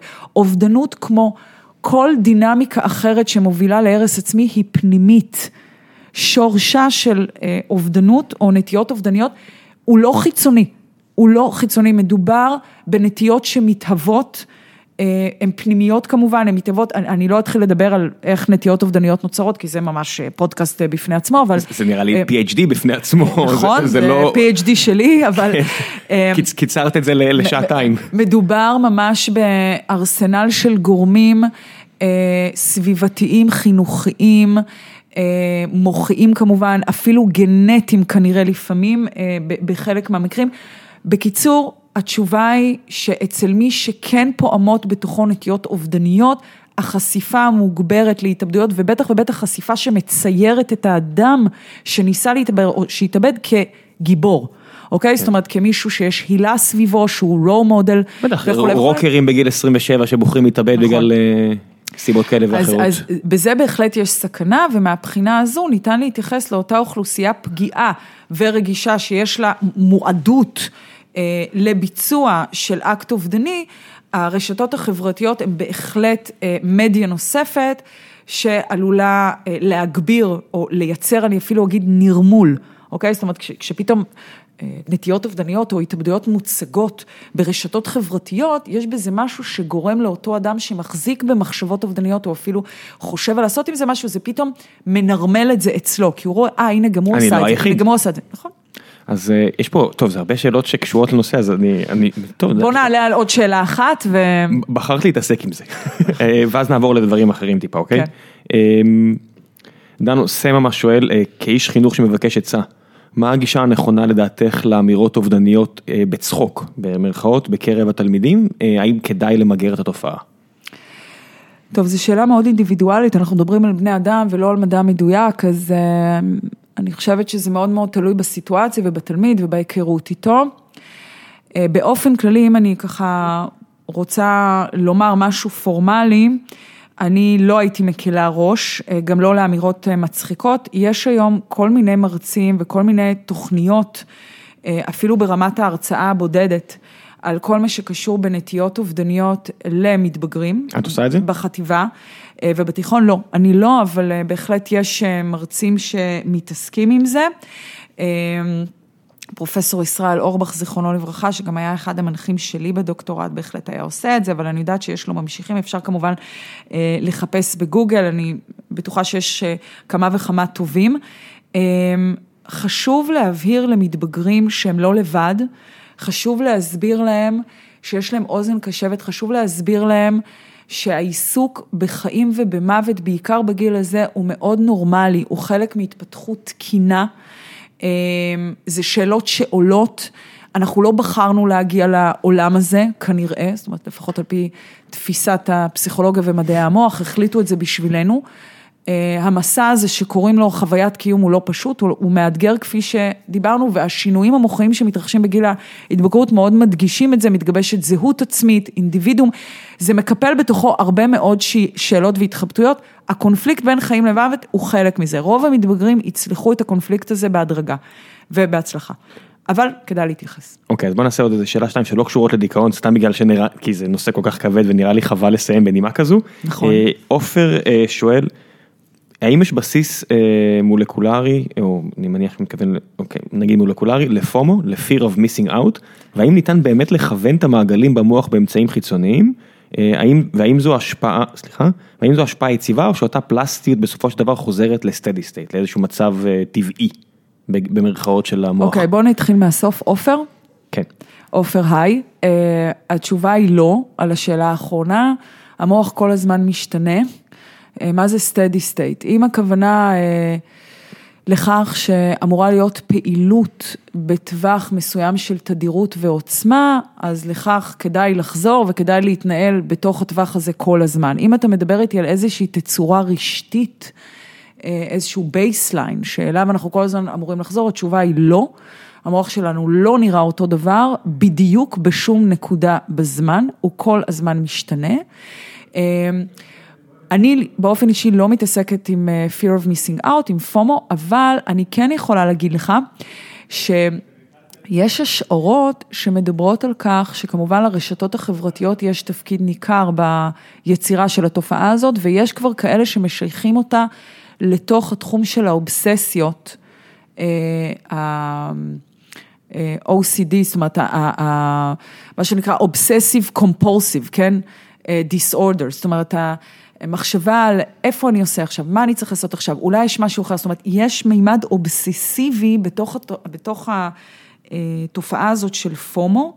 אה, אם מישהו כמובן ממש סובל מזה בחיי היום-יום, וזה לא פעם ב, שזה נראה לי סביר לחלוטין כן. וטבעי, מתוך שלל האפשרויות שקיימות בפנינו היום, זה נשמע לי טבעי לחלוטין, אבל כמובן שאם זה איזושהי חוויה יומיומית שתופסת אה, נתח אה, נכבד מהיומיום שלי, אז כדאי לי מאוד לטפל בזה. יש פה איזו שאלה שזה חוזר קצת לפרקים שלנו מסיבות שכנראה בגלל שאותי זה מעניין. אמיר שואל, מה דעתך על דואליות גוף נפש? האם יש נפש או שזה הכל, הכל כימיה? השאלה פה ממשיכה פה בכיוון הזה, אבל זה נראה לי הבסיס, רצוי אוקיי, את דעתך. אז אהלן אמיר. המילה נפש בנורוסיינס היא מאוד בעייתית, בואו נתחיל מזה.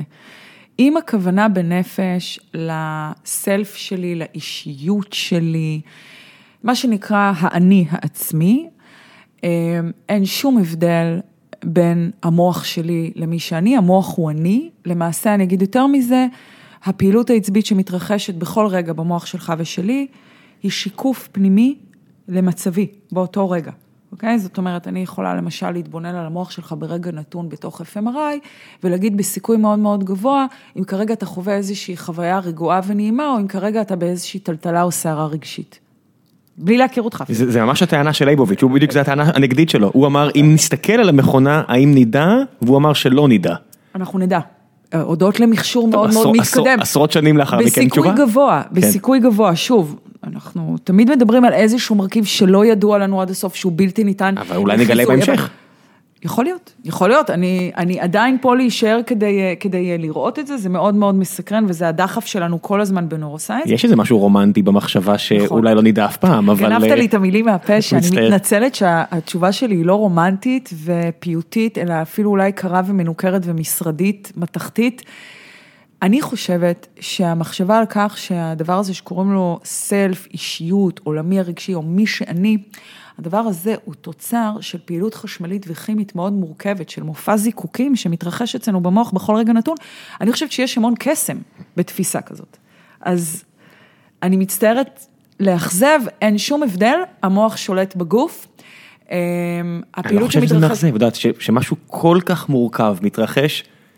את יודעת ששני בני זוג יכולים ליצור משהו כזה מורכב, יש שמונה מיליארד כאלה סביבנו כרגע. על פני הכדור, אז זה, זה, זה מספיק רומנטי נראה לי, לא? נכון, אני חושבת שזה קסם, זה דבר מדהים, אני גם אגיד יותר מזה, אני חושבת שגם העובדה שעד כה לא ידוע לנו שיש מקום במוח שמנצח על כל הדבר הזה.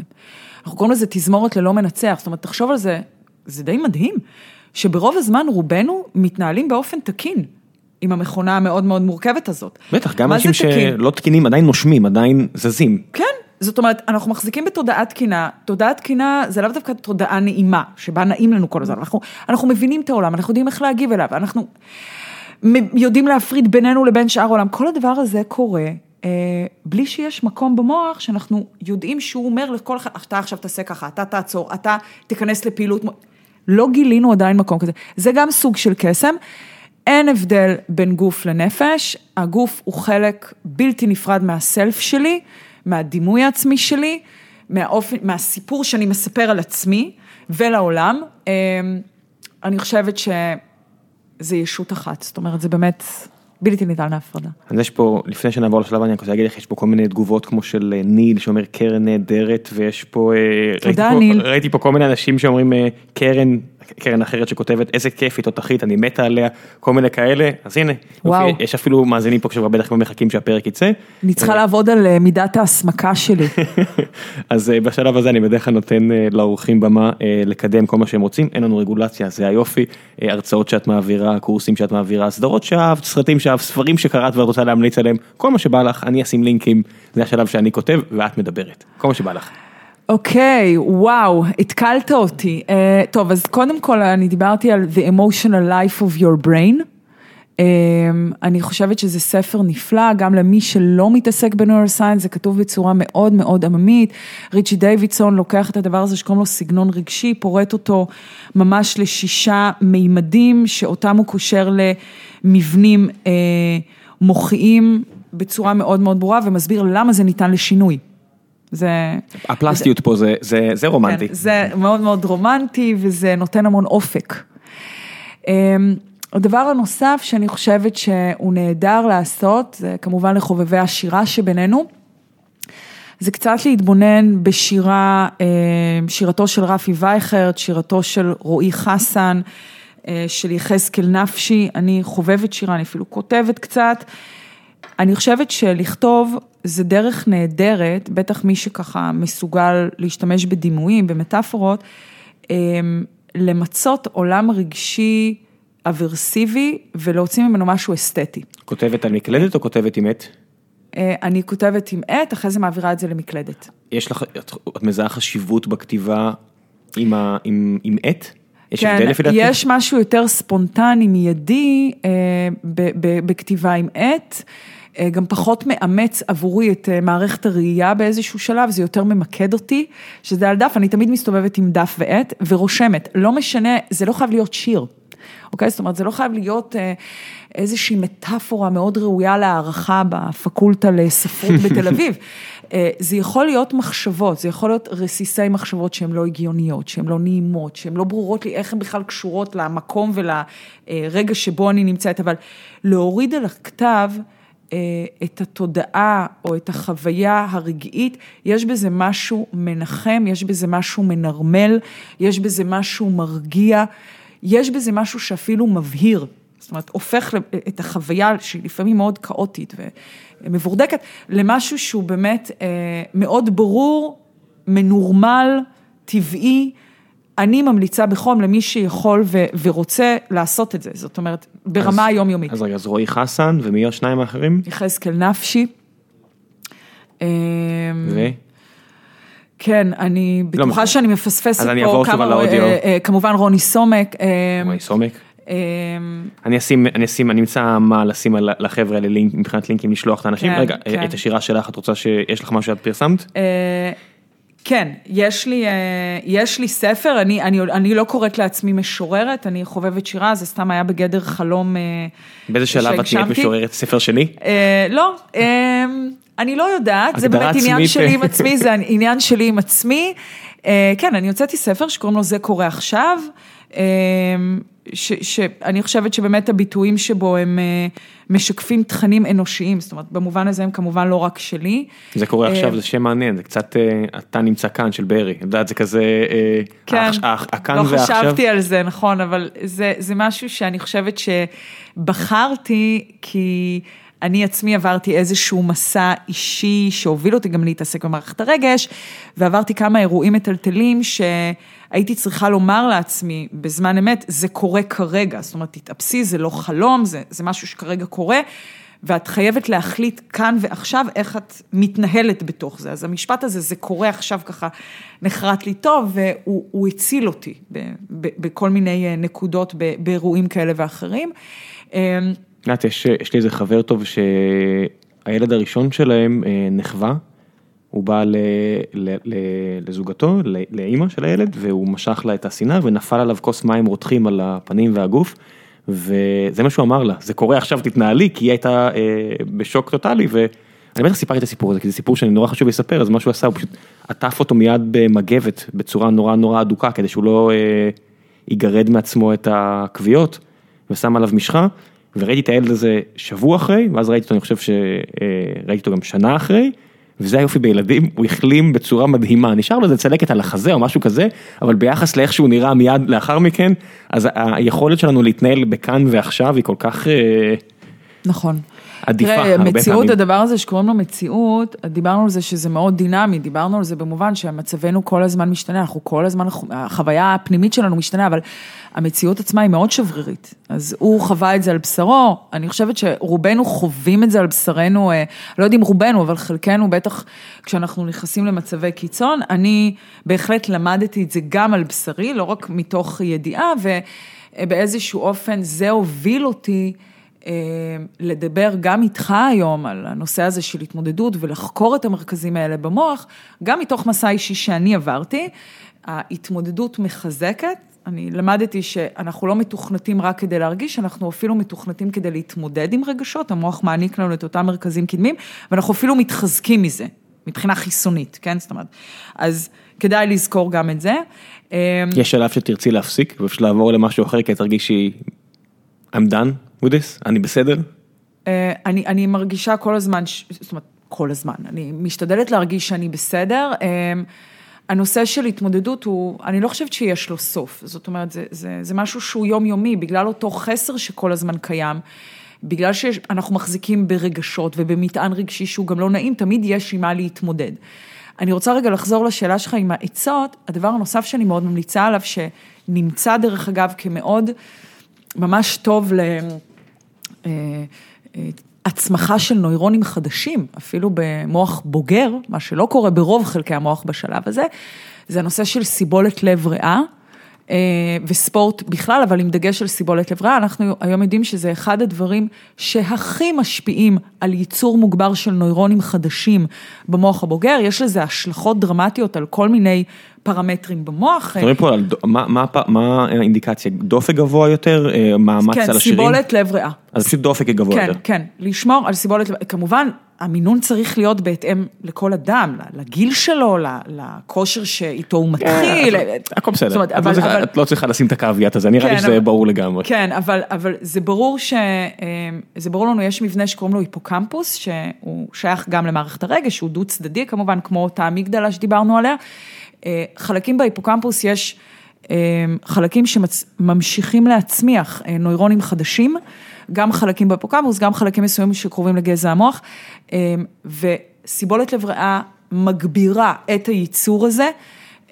זה נהדר למוח, יש לכך השלכות מבחינה קוגניטיבית כמובן, מבחינת איכותו של זיכרון, התפקוד של זיכרון, אז מעבר לזה שגם משתחרר הרבה סרוטונין בעת פעילות גופנית, וזה עושה לנו מצב רוח טוב. זה injection של סרוטונין למוח, ככה כן. זה- אנחנו זה- קוראים לזה. זה הדרך הכי טובה להשיג את זה כנראה. כן, אה, זה נהדר. כן, זה, אז אל תהיו עצלנים, השלב הזה של עכשיו לקום, אני יודע שזה יעשה לי טוב, השלב הזה שאני רגע כמה, הוא הכי קשה. זאת אומרת, זה- זה בדיוק- חד משמעית. זה בדיוק המחסום, אבל כן. אם אתה עובר את המחסום הזה, ואתה כבר מתחיל, זה, תחשבו, ת- תשתמשו במטה קוגניציה שלכם ותנסו לראות את עצמכם כבר תוך כדי אימון, או אחרי האימון דרך אגב. זה מצחיק, יש כל כך הרבה גישות, יודעת, אז- אז מהבחינה הזו אני אה, אמליץ על, על- יודעת, אנחנו כבר פרק 204 של הסיפור הזה, ומדי פעם אני ודורון גם אמרנו שההשראה שלנו אה, לפודקאסט הזה, זה בחור בשם ג'ו רוגן, אמריקאי, שאצלו זה פרק אלף ומשהו אני חושב, ו...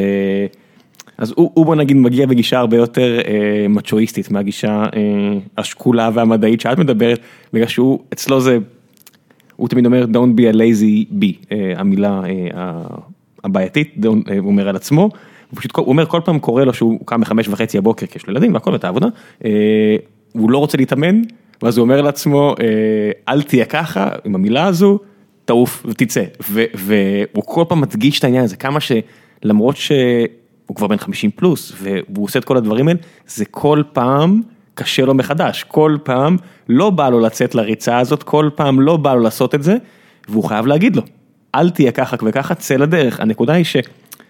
המנסה אישית, אני לא חושב שיש פתרון אחד, אני לא חושב שיש דרך אחת להמריץ או לתת מוטיבציה, אבל תמצאו מה עובד אצלכם. נכון. ה-80 מיליארד ניורונים האלה וכל הסינפטות, זה מאוד מאוד סובייקטיבי, בסופו של דבר, נכון. אבל אתם חייבים למצוא מה עובד עבורכם. כן. זה זה העניין אני- של המשמעות, למשל- המוטיבציה. אני למשל אה, יודעת שאם אני אה, אוכל יותר מדי שוקולד, אני, אני ארגיש לא טוב, אני פשוט יודעת את זה, כי זה מה שקורה, אם אכלתי שלוש-ארבע קוביות ונורא בא לי להמשיך, אני עוצרת, זה נורא קשה לי, ואני אומרת לעצמי, תחשבי על איך את תרגישי עוד רבע שעה, תיזכרי בזה, תיזכרי בזה, וזה הרבה פעמים עוזר לי. אז זה גם פה, אבל מהכיוון ההפוך, זאת אומרת, לרוב אחרי כושר אנחנו מרגישים טוב, בטח אם אנחנו בריאים, כן? זאת אומרת, אז חשוב, חשוב לזכור את זה. עוד נקודה שאני לא אמרתי את זה, ואני חושבת שנורא חשוב להבהיר את זה, אתה אמרת, כל פעם זה קשה לו מחדש. נורא חשוב להגיד, כי מקודם דיברנו על התמודדות עם רגשות והפעלה של אה, להתמודד עם פחדים. ו... אם אני התגברתי פעם אחת על, אה, על חרדה או על פחד, זה לא אומר שנפטרתי מפחדים. אם פעם אחת הצלחתי להכיל כאב, שנורא פחדתי ממנו לפני כן, והצלחתי לשהות בחוויה של כאב, והרגשתי מאוד מאוד טוב עם זה, זה לא אומר שאני יותר לא אחוש בכאב. זה, למה אני מדגישה את זה? כי לפעמים אנשים, יש להם איזה סוג של פנטזיה כזו, אחרי שהם מצליחים פתאום להתמודד עם איזה שד, שבאמת מאוד מאוד ניהל אותם. זה כמו שאני ארגיש מאוהבת, ואני אגיד לעצמי, אה, ah, אני מרגישה מאוהבת, אז אני בטח יותר לא ארגיש ככה בחיים. זה לא עובד בצורה כזאת. אנחנו כל הזמן נוסעים ברגשות, רגשות הם חלק מהתודעה שלנו, מהתודעה האנושית. That's the way it is. זאת אומרת... deal with it. תתמודדו. כן, ובנימה זו, תודה רבה קרן. תודה לכם. ביי ביי, נתראה שבוע הבא.